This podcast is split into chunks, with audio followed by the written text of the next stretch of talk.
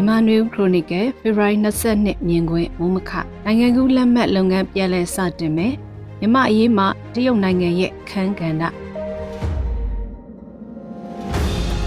ဇန်နဝါရီလဆန်းကလေးကနိုင်ငံကူးလက်မှတ်ထုတ်ပေးတာကိုဘာအကြောင်းကြောင့်မှတိတိကျကျမပြောဆိုပဲရဆိုင်လိုက်ရက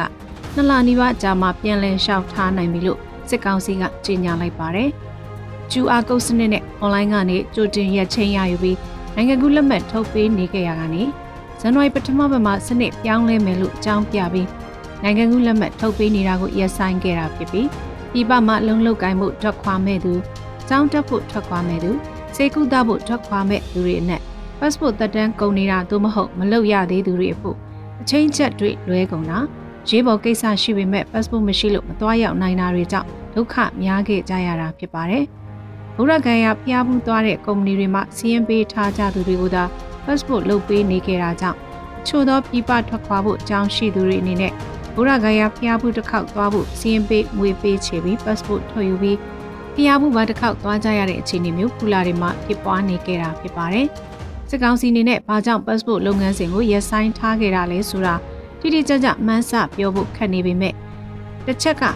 သူတို့ရဲ့အာဏာရှိတာကိုပြသတာမျိုးလည်းဖြစ်နိုင်ပါတယ်။ဆီယနာသိမ်းပြီးနောက်အလုတ်ကိုင်းခွင်လန်းပိုးပြီးရှားပါလာတာ လက်နက်ကိုင်းတိုက်ပွဲတွေကြောင့်လူငယ်တွေကိုမိဘတွေကပြည်ပမှာလှုပ်လှုပ်ကိုင်းဖို့တွန်းအားပေးကြတာကြောင့်မှ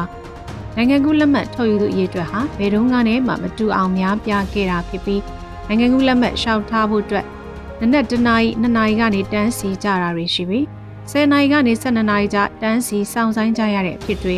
လွန်ခဲ့တဲ့နှစ်လယ်ကနေစလို့နှစ်ကုန်ထိဖြစ်နေခဲ့တာပါနိုင်ငံကူးလက်မှတ်ကြိုတင်စင်းပေးသွင်းတဲ့ကျူအာကုတ်ရဖို့အနည်းဆုံးကျပ်3000ကနေ အများဆုံးတသိန်းထိပေးခဲ့ကြရပြီးအစအဆုံးအတွက်3သိန်းကနေ10သိန်းထိကုန်ကျခဲ့တဲ့သူတွေအများပြားရှိခဲ့တာဖြစ်ပါတယ်နိုင်ငံကူးလက်မှတ်ရခြင်းလို့ဗုဒ္ဓဂယာဖျားဖို့အတွက်နေဆုံးပမာဏဖြင့်ကျပ်10သိန်းအကုန်ကျခံကဖျားဖို့သွားပြီးမှပြည်ပကိုထွက်ခွာသူတွေလည်းခုကာလမှာရှိခဲ့ကြတာဖြစ်ပါတယ်။ဆီယနာသိမ်းမှုကနိုင်ငံရဲ့စီးပွားရေးနိုင်ငံရေးလူအခွင့်အရေးစတဲ့ဖက်ဖက်ကနေကြဈေးခဲ့ရုံကမကပြည်ပမှာအလုပ်ထွက်လုပ်မဲ့သူ ပညာသင်ကြားမဲ့သူတွေကိုပါရက်ဆိုင်စေခဲ့တာဖြစ်ပါတယ်။ဒီနေ့ဖို့အခြားသတင်းအကြောင်းအရာတစ်ခုက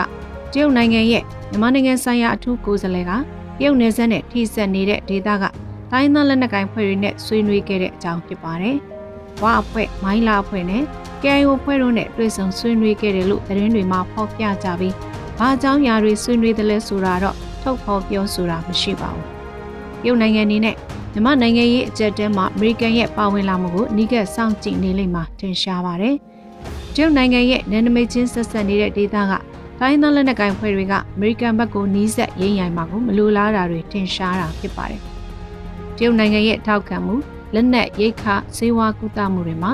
တရုတ်နိုင်ငံကိုအားကိုးနေကြရတဲ့မြန်မာနိုင်ငံတွေကတိုင်းသားလက်နက်ကိုင်ဖွဲ့တွေအနေနဲ့တရုတ်နိုင်ငံကိုသစ္စာခံတာမဟုတ်ပေမဲ့အလေးထားဦးစားပေးဆက်ဆံရတာမျိုးတ ရုတ်နိုင်ငံရဲ့အမြင်ကိုအလေးထားရတာမျိုးတော့ရှိနေတာအမှန်ပဲဖြစ်ပါတယ်။တရုတ်နိုင်ငံအနေနဲ့နဝတနာအဖစစ်ဆိုးရလက်ထက်ကတိတိပပထောက်ခံအားပေးခဲ့ပေမဲ့ခု2021ခုဆီယနာသိမ်းမှုနောက်မှာတော့နိုင်ငံရေးခြေအနေကိုပုံမူတတိထားအကဲခတ်နေပြီးဘယ်ဘက်ကိုလောင်းရမလဲဆိုတဲ့အခြေအနေမျိုးလဲဖြစ်ကောင်းဖြစ်နိုင်ပါတယ်ရှင်။